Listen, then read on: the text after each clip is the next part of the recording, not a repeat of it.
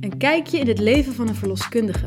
Hoe is het om 24 uur per dag bereikbaar te zijn en op elk feestje bevallingsverhalen aan te horen? Ja, je belt ons inderdaad wakker s'nachts, maar we springen met liefde ons bed uit.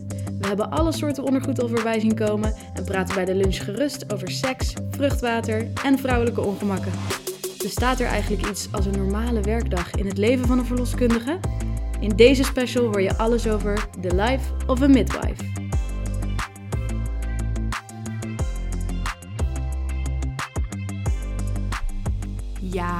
Dat je weer luistert naar een nieuwe Live of a Midwife aflevering. Vandaag is Ayla bij ons te gast.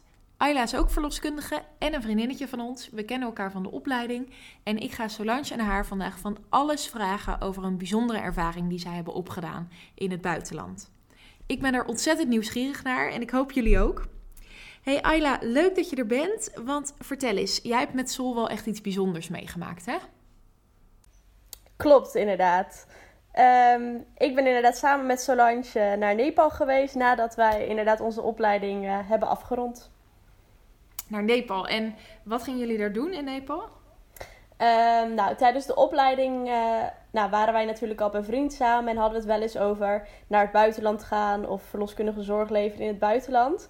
Uh, een paar meiden uit onze klas hebben dat toen ook gedaan tijdens de opleiding, maar Sol en ik vonden het niet het juiste moment tijdens de opleiding. Dus daar dachten wij toen al hetzelfde over. En zo kwamen we een beetje aan de praat van, nou, zullen we dat dan doen als we zijn afgestudeerd? En uh, toen hebben wij dat dus opgepakt, ook in augustus toen wij in juli zijn, uh, zijn afgestudeerd. Ja, dat was echt een heel gaaf avontuur om te doen. Daar wil ik van alles over weten. Want ondanks dat we nou, allebei, of alle drie, al best wel een tijdje vriendinnen zijn, uh, heb ik jullie daar nooit echt inhoudelijk over gehoord. Dus nou, leuk om dat nu uh, bij deze bij de, op de podcast te doen. Um, laten we bij het begin beginnen. Van waar jullie wens of droom om een keer ervaring op te doen in Nepal? Uh, nou, begon ik al dat dan Saskia, vriendinnetje van ons, er dus naar Zambia was geweest in de opleiding, wat Ayla net vertelde. En wij vonden die verhalen allemaal best wel gaaf. Dus wij dachten, oh, dat willen we ook meemaken. Maar hadden zoiets, nou, dus niet in de opleiding, maar dan daarna. En, mm -hmm. en waarom was het in de opleiding niet het goede moment volgens jullie? Uh, nou, we wilden gewoon afgestudeerd zijn, omdat we dan meer kennis, meer ervaring hadden en dat we dat dan konden toepassen in het ziekenhuis. Mm -hmm. uh, dus dat was eigenlijk een beetje onze reden. En toen hebben wij dus in augustus hebben we het geboekt. En toen twijfelden we ook nog waar gaan we heen. Want je kan dus naar heel veel landen gaan. Wij hebben via Work the World hebben wij het geboekt. Dat is een uh, organisatie waarbij je dus dat soort reizen kan boeken. Dat kan als verloskundige, als verpleegkundige. Uh, wat zat er nog meer? Ja, alle medische, uh, medische beroepen. Fysiotherapie. Ja. Dat ook. Uh, en wij hebben uiteindelijk voor Nepal gekozen. Maar ik weet eigenlijk helemaal niet meer waarom we nou voor Nepal hebben gekozen uiteindelijk. Nou, ik weet nog wel dat wij in wij een lijst hadden gemaakt. Je hebt namelijk een aantal landen waarbij, uh, nou ja, waarbij verloskundigen dan naartoe kunnen.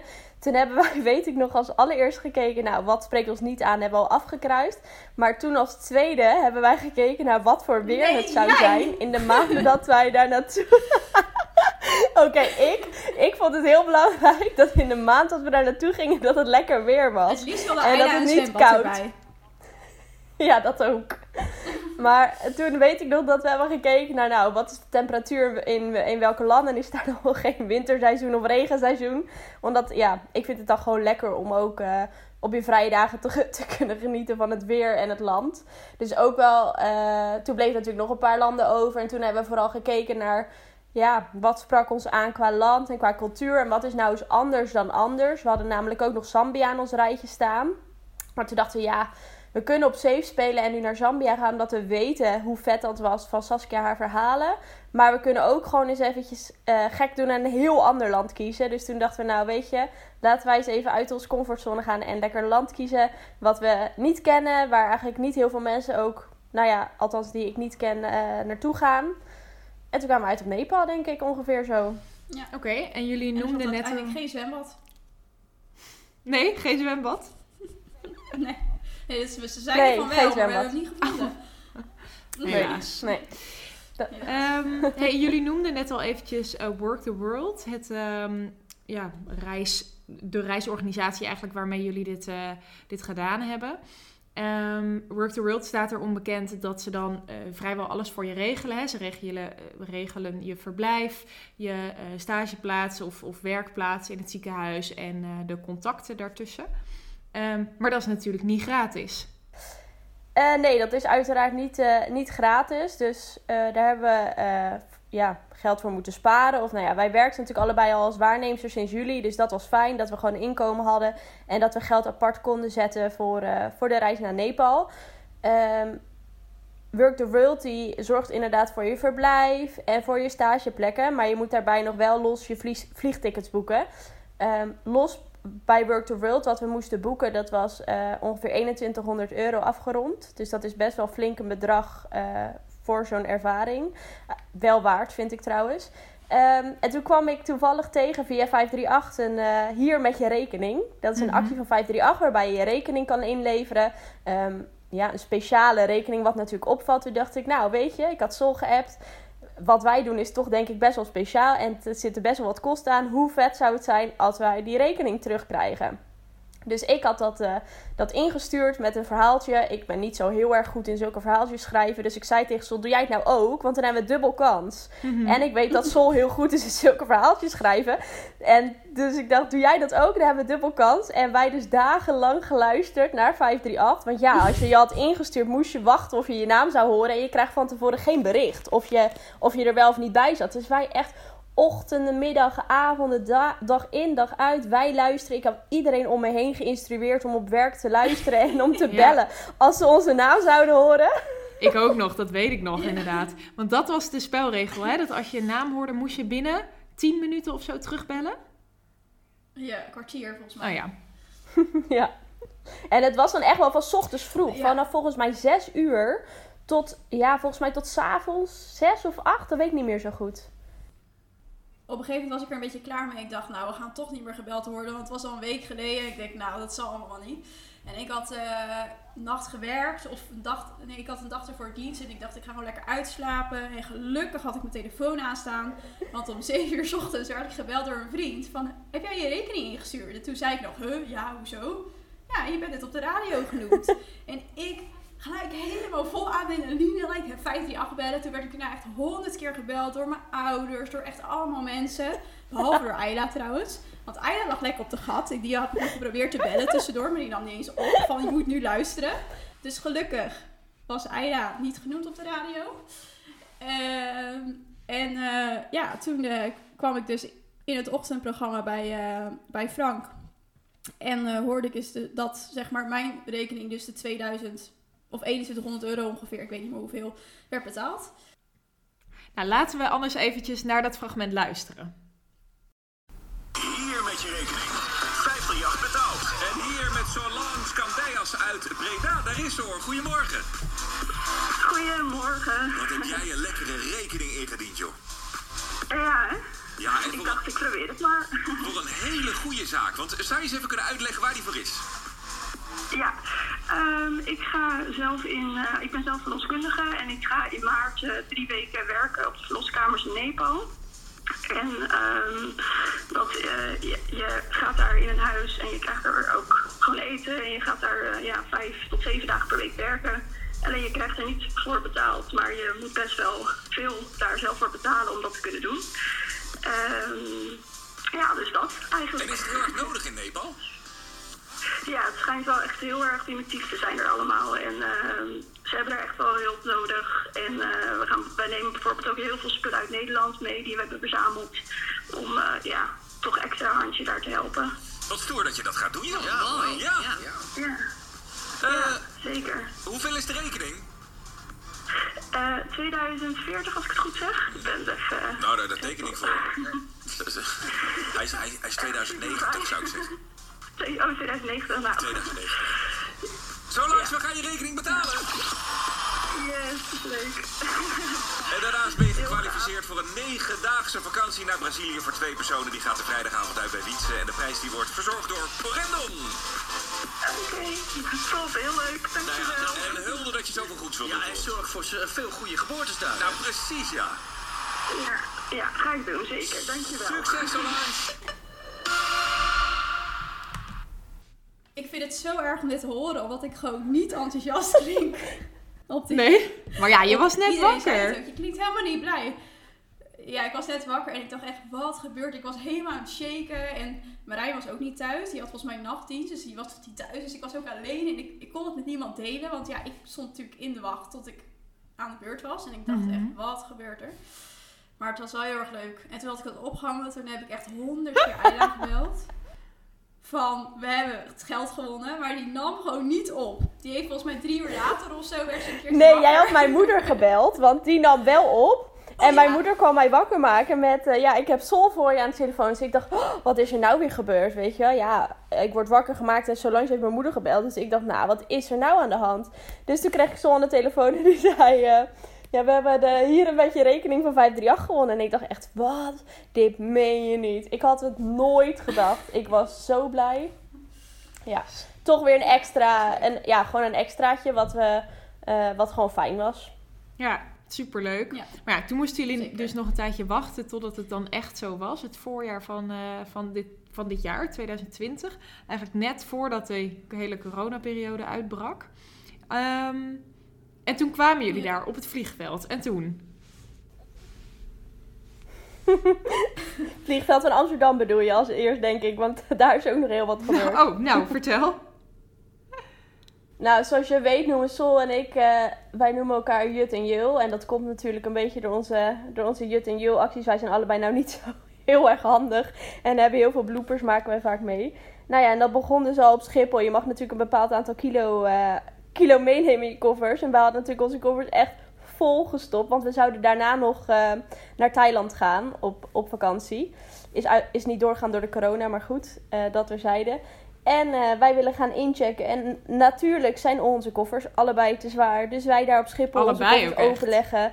Alles, allebei ook echt. Spullen eruit gehaald, spullen Ja. in de handbagage gedaan. Nou, ik weet het allemaal niet. Maar dat was natuurlijk weer echt één groot feest. Komt ook omdat we heel veel spullen hadden meegenomen voor het ziekenhuis daar. Allemaal medische spullen, maar ook heel veel kleding hadden we allemaal gekregen. Babykleding. En, eh, dus dat zat Mhm. ook allemaal in koffers. En we wilden ook zelf natuurlijk genoeg jurkjes en dingetjes meenemen. dus. Maar goed, uiteindelijk gingen we dus het vliegtuig in. Allebei super zenuwachtig. Ik weet nog heel goed dat we er liepen van... Oh mijn god, vijf weken is echt lang. Zeiden nog tegen elkaar van... ah, gewoon super spannend natuurlijk. Dat je dan met z'n tweeën zo'n reis gaat maken. Je hebt geen idee wat je Mhm. moet verwachten van het land. Ehm, toen hebben we nog een tussenstop gehad van zes uur volgens mij. In, eh, weet ik eigenlijk niet eens meer waar. Ehm, Op het vliegveld. Ehm, en toen kwamen we op Nepal aan. De ochtend erna. En toen waren we eigenlijk meteen... We hadden meteen een cultuurshock. Ja? ja. Van alleen het, vlieg, ja, het vliegveld al. Het is zo armoedig als je daar komt. Je denkt echt, waar ben ik beland? En wij dachten nog dat Nepal misschien nog wel... eh, nog el, ergens wel een rijk land was. Ik weet niet waarom we dat dachten. Maar we Nou kwamen ja, er snel achter dat het niet zo was. we hadden het niet zo armoedig verwacht. Ik bedoel, ik had nou echt niet Bali of Thailand tafereelen verwacht. Maar dit Nee. was echt wel... Ja, echt heftig. En waar bleek dat vooral uit? Want jullie hebben nu een beeld voor je, maar op eh, audio is dat natuurlijk een beetje lastig. Kunnen jullie iets schetsen? Ja, als je daar de, de aankomsthal in kwam waar je je koffers zeg maar van de band moet pakken. Dat die hele, ja, die hele ruimte zag er heel armoedig uit. De muren zagen er niet uit, weet je wel, niet netjes geverfd of iets. Dat zag er gewoon armoedig uit. De vloer was armoedig. Die, die band waar je de koffer van af moet halen, dat, dat is echt een band uit de middeleeuwen denk ik. Eh, dus dat bij elkaar was gewoon echt dat, je, dat we dachten, wow, heftig. Ja. En ook al zodra je ook gewoon de stad inrijdt. We werden opgehaald door iemand uit het huis. Eh, en toen gingen we met de taxi dus naar het huis, maar dan rijden door de stad heen. En dan zie je ook echt wel de armoede. Dan zie je echt van die armoedige straatjes, overal was buiten opgehangen. eh, eigenlijk gewoon huizen die ongeveer in elkaar vallen. Dat is waar mensen in wonen, gewoon in, soms in schuren of zo. Eh, echt, echt heel, eh, gewoon echt heel armoedig. Beetje van die krot, krottenwijken. Ja. Ja, moet ik me dan een soort van, soort van golfplaten huisjes voorstellen? Ja. Ja. Ja. Dus iedereen die wel eens in eh, de slums van een grote stad is geweest, die weet dan ongeveer wel wat je voor je kan zien. Of dat natuurlijk kent van films of Ja. van series. We hebben ook heel veel foto's op Polar Step staan. Dus als je denkt van, oh, ik vind het wel interessant om of blogs te lezen erover of foto's, dan kun je Polar Steps en dan mijn naam, Solange Candejas, ehm, eh, intypen en dan kun je alles lezen, want het staat open. Ja, leuk. Ik heb dat toen inderdaad eh, eh, trouw gevolgd. Plaatsen jullie dagelijks iets? Ik weet het al niet eens meer, is al best al een Ja. tijdje terug. Maar, ehm, maar wel heel gedetailleerd. En ik vond het heel leuk om jullie, eh, jullie ervaringen daarop inderdaad te lezen. Maar goed, toen kwamen jullie dus in dat huis. Eh, een huis met meerdere eh, medisch geschoolde mensen. Hè, die ook met eh, Work the World naar dat specifieke ziekenhuis zouden gaan.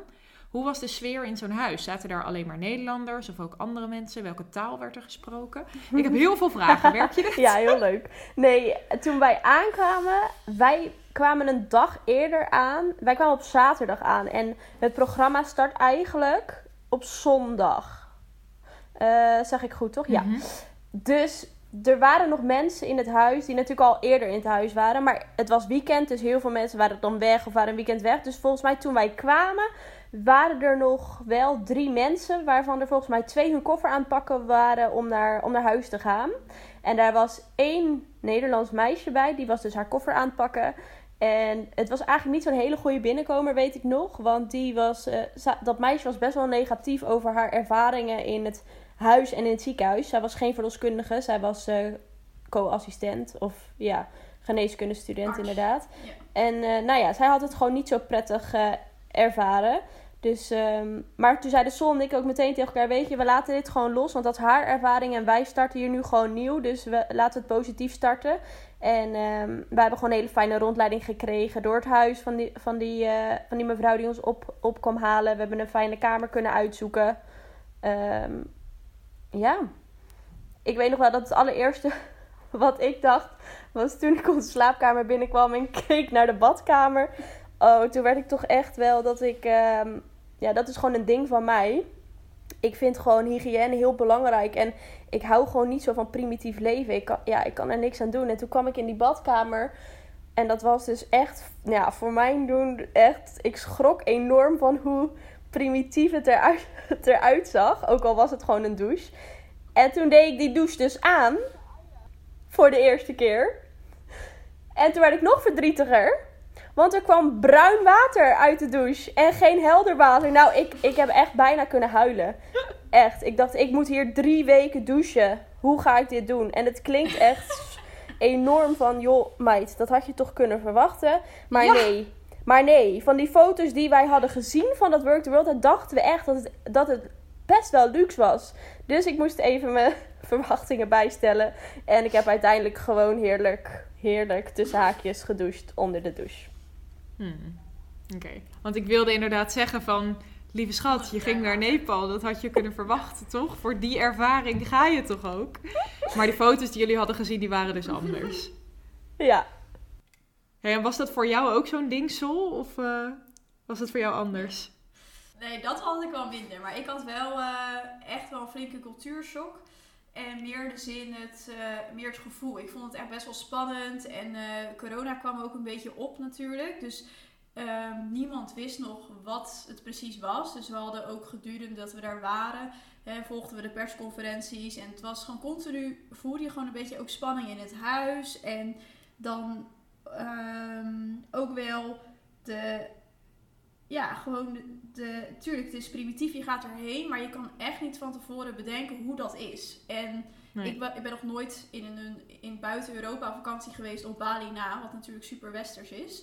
Dus ik moest er echt wel aan wennen. Ik denk dat dat zeker wel een week heeft geduurd voordat ik er echt goed aan kon wennen. Dat wij hebben echt wel ook wel veel gehuild eigenlijk. Ook om wat Mhm. je ziet in het ziekenhuis, maar ook gewoon om alles eromheen, zeg maar. Je mist dan ook heel erg thuis en je krijgt best wel heimwee. En niet dat het, dat het daar nog niet leuk is, helemaal niet. Het is echt Mhm. fantastisch, maar het is soms ook echt wel heftig eh, wat er ineens allemaal op je bordje komt, zeg maar. Dat had ik, had ik in ieder geval best onderschat. ja, ik denk dat we het allebei inderdaad best wel hadden onderschat. Gewoon de hele ervaring van een ander land, ziekenhuis, primitief. Wat Sol zegt, je weet dat het arm is. Maar als je daar bent, dan pas realiseer je... Oh shit, het is echt heel arm en primitief. Mhm. En slechte zorg. En ehm, ja, Ja. Ja, slechte zorg? Ja, vind ik wel. Vooral Ja. als je het vergelijkt met Nederland, denk ik. Ja, ik weet nog wel de eerste dag ehm, dat we naar dat ziekenhuis gingen. Je, hebt, je had in dit ziekenhuis, wij zaten trouwens in Kathmandu, misschien ook wel goed om erbij te zeggen. Dat is de hoofdstad van Nepal. Ehm, Mhm. Dat ziekenhuis had een eh, geboortecentrum, dus vergelijkbaar met laag risicobevallingen. En het had in het ziekenhuisdeel een afdeling met hoog risicobevallingen. Wij begonnen in het deel van het geboortecentrum met laag risicobevallingen, omdat dat minder heftig zou zijn voor ons. En ik weet nog wel dat Nou, eventjes, eh, laag risico is eigenlijk de populatie waar wij ook mee werken. ja, hè? klopt. Of populatie, dat zijn de zwangeren die normaal gesproken gewoon naar een eerste lijn Juist. verloskundige gaan. Zonder medische indicatie. We zeggen altijd, je bent niet ziek, maar zwanger. Er verder niks aan de hand is, die Ja, vrouwen klopt. zag je daar. En ehm, toen hadden wij daar onze eerste, eerste bevalling samen gedaan. Dat weet ik nog heel goed. En eh, nou, goed verlopen eigenlijk. En wat gebeurt er daarna? Eh, de placenta die, die wordt geboren. En daarna steekt de, de verloskundige haar hele hand en onderarm in de vagina. Om te checken of er geen resten van de placenta meer in de baarmoeder zitten. Dat doen wij hier in Nederland ehm, niet standaard. Alleen als de placenta niet komt of als er een vermoeden is op een rest. Maar dan wordt dit onder narcose gedaan op de OK. Hier wordt dat standaard bij iedere vrouw gedaan na de bevalling om te checken of de baarmoeder schoon is. Nou, je kan je voorstellen Jeetje. hoe pijnlijk dat is voor die vrouw en wat voor geschreeuw eruit komt. Toen weet ik nog dat ik Sol, dat wij elkaar hebben aangekeken. Nou, en ik weet nog dat ik kreeg toen ook echt tranen in mijn ogen. Dat ik dacht, wat, dit is gewoon niet normaal.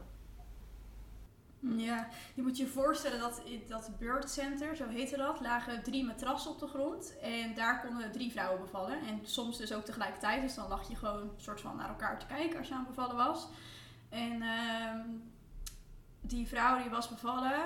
En Aida die was met het kindje mee. Want die had ook niet echt een goede start. Dus die liep met de verloskundige mee eh, Oh ja, ehm, oh ja. bij de opvangtafel. Een soort van opvangtafelachtig.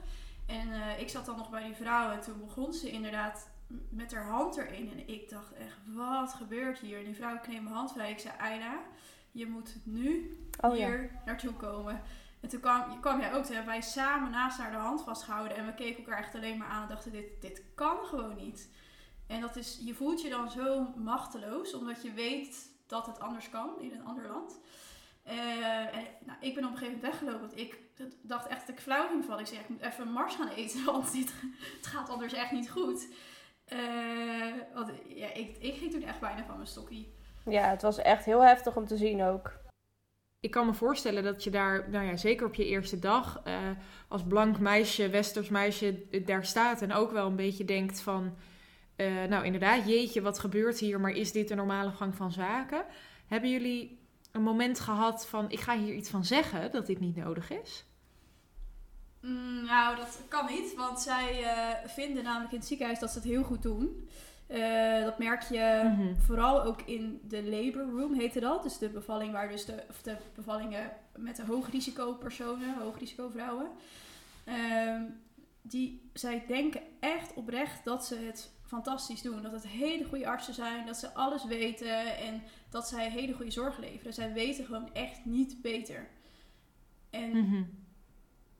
Nou, dus dan kom je al snel over als bedweter van, eh, van waarom zou jij het beter weten? Wij Ja. doen dit al jaren zo, ja. ja, Dat zou natuurlijk in Nederland ook gek zijn. Als er een buitenlands iemand komt en die zegt... eh, het moet allemaal ineens anders. ja, Ja, zij zien ons dus niet als dat wij, het, eh, dat wij hun kunnen helpen of dingen kunnen leren. Zo zien zij ons niet. Wat je Nee. soms wel eens hoort in, in die Afrikaanse landen, hè, dat ze juist ons zien als dat, dat wij super goede zorg hebben. Nou, zo zien ze dat in Nepal niet. nee, echt niet. Nee, want dan hoor je de verhalen dat het soms wel eens de andere kant op slaat. Dat je dingen op je bordje krijgt waarvan je denkt... ho, is ik kan dit helemaal niet. Je verwacht nu iets van mij eh, waar ik in Nederland helemaal niet toe bevoegd ben.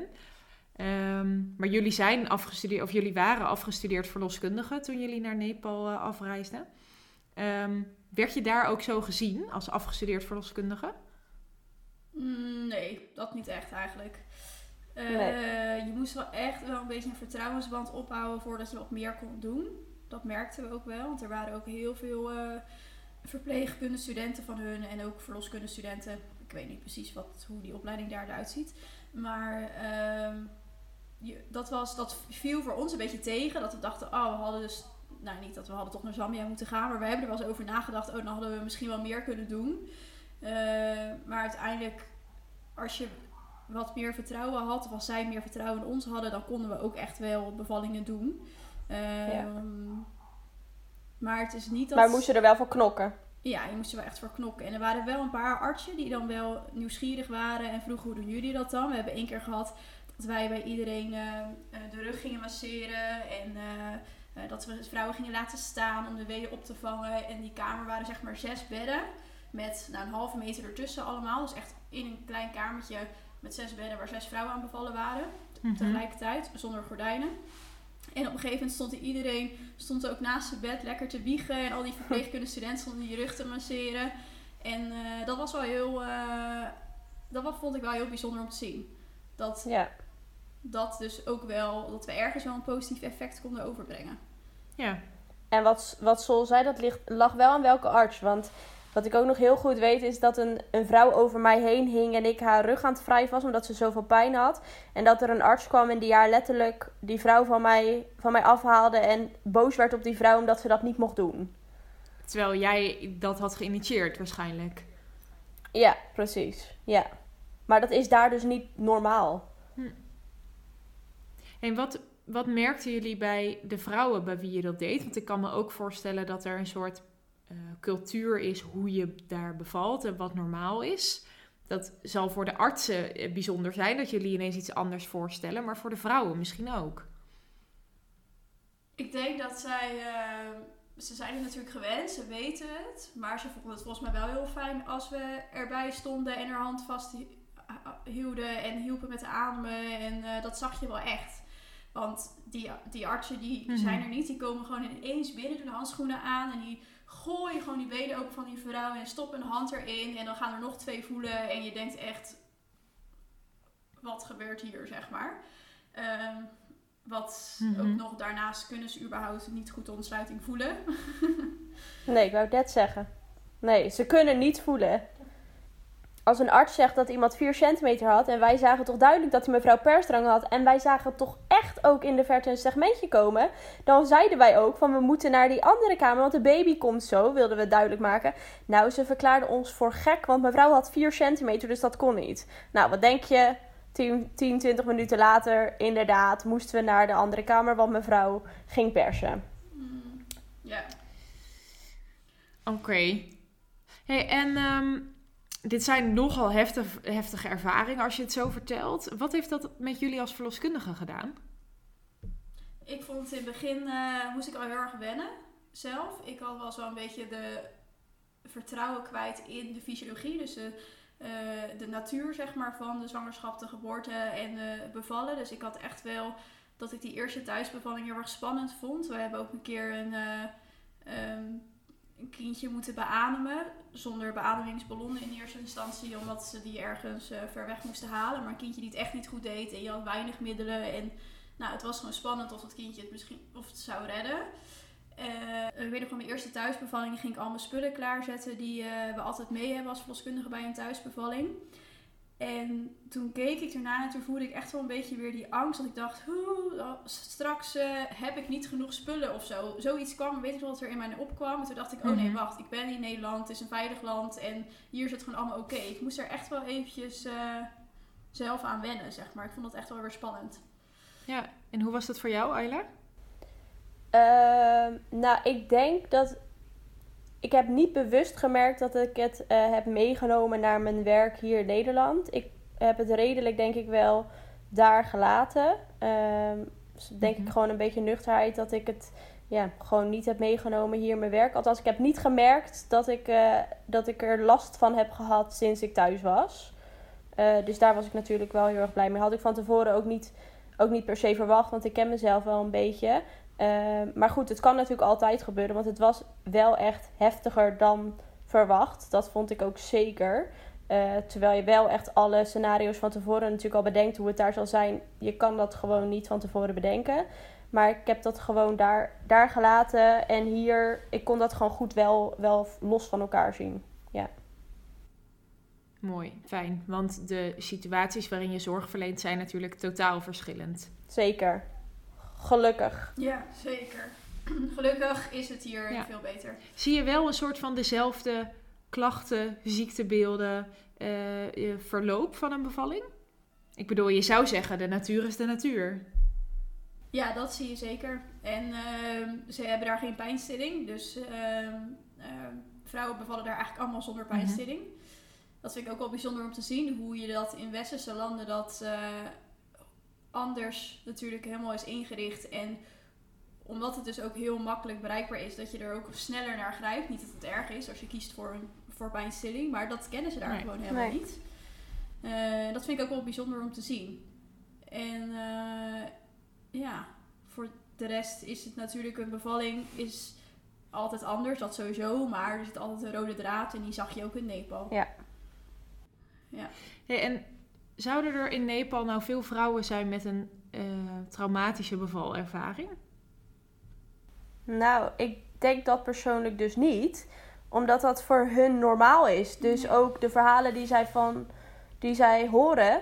Uh, en puur de hele gezondheidszorg daar. Ik bedoel, ik denk niet dat je anders wordt behandeld als je op bijvoorbeeld de afdeling uh, interne ligt. Het is gewoon de manier hoe daar wordt omgegaan met, met mensen die, uh, die in het ziekenhuis liggen. Dus nee, ik denk niet dat zij dat als als traumatisch ervaren. Omdat dat gewoon de standaard is daar. Ze weten niet beter. Dat is gewoon de, normale gang van zaken. Uh, dus dat er, dat er zo'n um, zo'n hand in je baarmoeder gaat om de baarmoeder schoon te maken. Ja, dat, zij denken dat dat, er, dat dat erbij hoort. Want iedereen krijgt dat. Ja. Ja, en het, als je verwachtingen anders zijn, dan, dan is, dat, is dat wellicht ook gelijk een andere ervaring. Dat snap ik ook wel. Ja. Ja. En dat hielp mij ook om te relativeren. Dat Ayla op een gegeven moment zei van... Ja, maar Sol, ze weten echt niet beter, hè? Dus uh, je, kan dat, je kan het gewoon loslaten. Dat ik, oh ja, dat is waar. Want als zij in Nederland zouden zijn, zouden ze ook denken... Wat doen jullie hier met z'n allen? Omdat zij ervan overtuigd zijn dat zij het heel goed doen, zeg maar. Mhm. En dat hielp mij wel om uh, ermee om te kunnen gaan. En toen hadden we net een beetje, of allebei wel, dat we er echt lekker in zaten. Dat we dachten, oké, we gaan nog één week knappen. Ja, geen heimwee meer. Lekker naar Thailand. Nee, geen heimwee meer. We hadden, uh, waren helemaal over die cultuurshock heen. En nou, gewoon, we hadden een vertrouwensband met iedereen en het was super leuk. En uh, toen dachten we nog één week. En toen hoorden we van de ambassade, ja, jullie moeten zo snel mogelijk naar huis. Want uh, alle vliegmaatschappijen annuleren hun vluchten. En uh, grote kans dat Nepal op lockdown gaat en uh, dat je hier dan zit en niet meer weg kan. En toen zijn we eigenlijk de dag daarna we, zijn we teruggevlogen.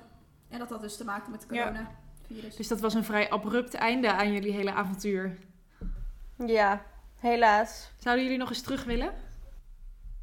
Die vraag krijgen wij heel vaak. Uh, en daar hebben we het ook ja. heel vaak samen, samen nog wel eens over. Want wij zouden nog een week uh, ja, we hebben nog een week te goed van Work the World. Hè, dus we zouden nog een week naar Nepal mogen, naar dat ziekenhuis. Moeten we alleen zelf de, de vluchten betalen. Um, ja, ik zei dat tegen Sokla. Ik weet niet of ik zou zoiets, zou ik nog wel heel vet vinden om nog een keer te doen. Um, maar dan misschien toch uh, naar Afrika of zo. Maar om nou naar hetzelfde te gaan, nog een week naar Nepal. Nee, ik denk niet dat ik dat, uh, dat ik dat zou willen. Want dat heb ik nu gezien en ik weet hoe het is. En um, ja, dat is voor mij goed zo. Ik heb nu niet het gevoel dat we het echt hebben kunnen afmaken. En dat vind ik gewoon heel erg jammer. Dat, dat, dat had ik heel graag gewild. Ook voor mijn eigen ontwikkeling. Want je, als verloskundige ontwikkel je, maar ook als persoon, vind ik. Mhm. En uh, juist omdat we daarin zo'n groei hadden doorgemaakt, dacht ik, nu wil ik doorpakken. En dat stukje, daar zou ik echt nog wel, toch wel willen ervaren, zeg maar. Om het toch nog een keer te doen en dan nog een vakantie achteraan te plakken. Ja, want het was niet alleen, alleen die ervaring in Nepal. Ik bedoel, het was ook gewoon met z'n tweeën twee weken naar Thailand zonder mensen die alles voor ons regelen. Eh, dat wij alles zelf moesten uitvogelen. Ik bedoel, daar zijn we allebei niet zo heel goed in. Dus dat is wat Sol bedoelt met qua persoonlijk groeien. We waren daar gewoon echt met z'n tweeën. We moesten het zelf fixen. We hebben alles echt vind ik zelf super goed geregeld. Alles is goed gegaan. Ik bedoel, het is nogal wat daar in een land als Nepal. Uh, je moet ergens random geld gaan pinnen. Het, weet je, dat soort dingen was voor ons echt wel. Uh, ja, hebben wij echt wel een stap in gemaakt. En daar ben ik met Sol eens dat we dat inderdaad niet hebben af kunnen maken. Want daar hoorde ook gewoon nog die laatste week Nepal bij. Omdat we daar 100% nog aan het genieten waren. En die twee weken Thailand hoorden daar ook gewoon bij. Want ik vind gewoon dat we dat oprecht gewoon uh, heerlijk hadden verdiend. Ja. Ja, want nog even om af te sluiten. Hè. Jullie leggen nu echt de nadruk op jullie eigen ervaring. Maar dat is ook wel hetgeen wat je van veel mensen terug hoort. Hè. Je moet daar vooral naartoe, als je zoiets wil doen, dan Nee. moet je dat vooral voor je eigen ervaring doen. En niet omdat je de illusie hebt dat je de zorg daar kan verbeteren. Of eh, omdat je met je westerse kennis daar iets wil toevoegen. Dan Ja. moet je echt voor een langere periode gaan dan, eh, dan dit kleine stukje, als ze daar überhaupt al voor openstaan. Ja, klopt. Nou, meiden, thanks. Bedankt dat jullie je verhaal wilden delen. En ehm, eh, we kletsen hier vast later nog een keertje over na. Maar ehm, nou ja, mocht je verloskundige of verloskundige in de opleiding zijn en heb je hier vragen over aan Ayla of Solange, stuur ons dan gerust een berichtje. Dat, eh, jullie vinden het waarschijnlijk alleen maar leuk om eh, meer van dit soort ervaringen te delen. Ehm, en leuk dat je weer luisterde en graag tot de volgende keer. Tot de volgende keer. Doeg! Dit was de podcast voor deze keer. Meer zwanger en zo? Je kunt ons volgen op Instagram, Facebook of onze website zwangerenzo, de podcast.nl. Tot de volgende keer.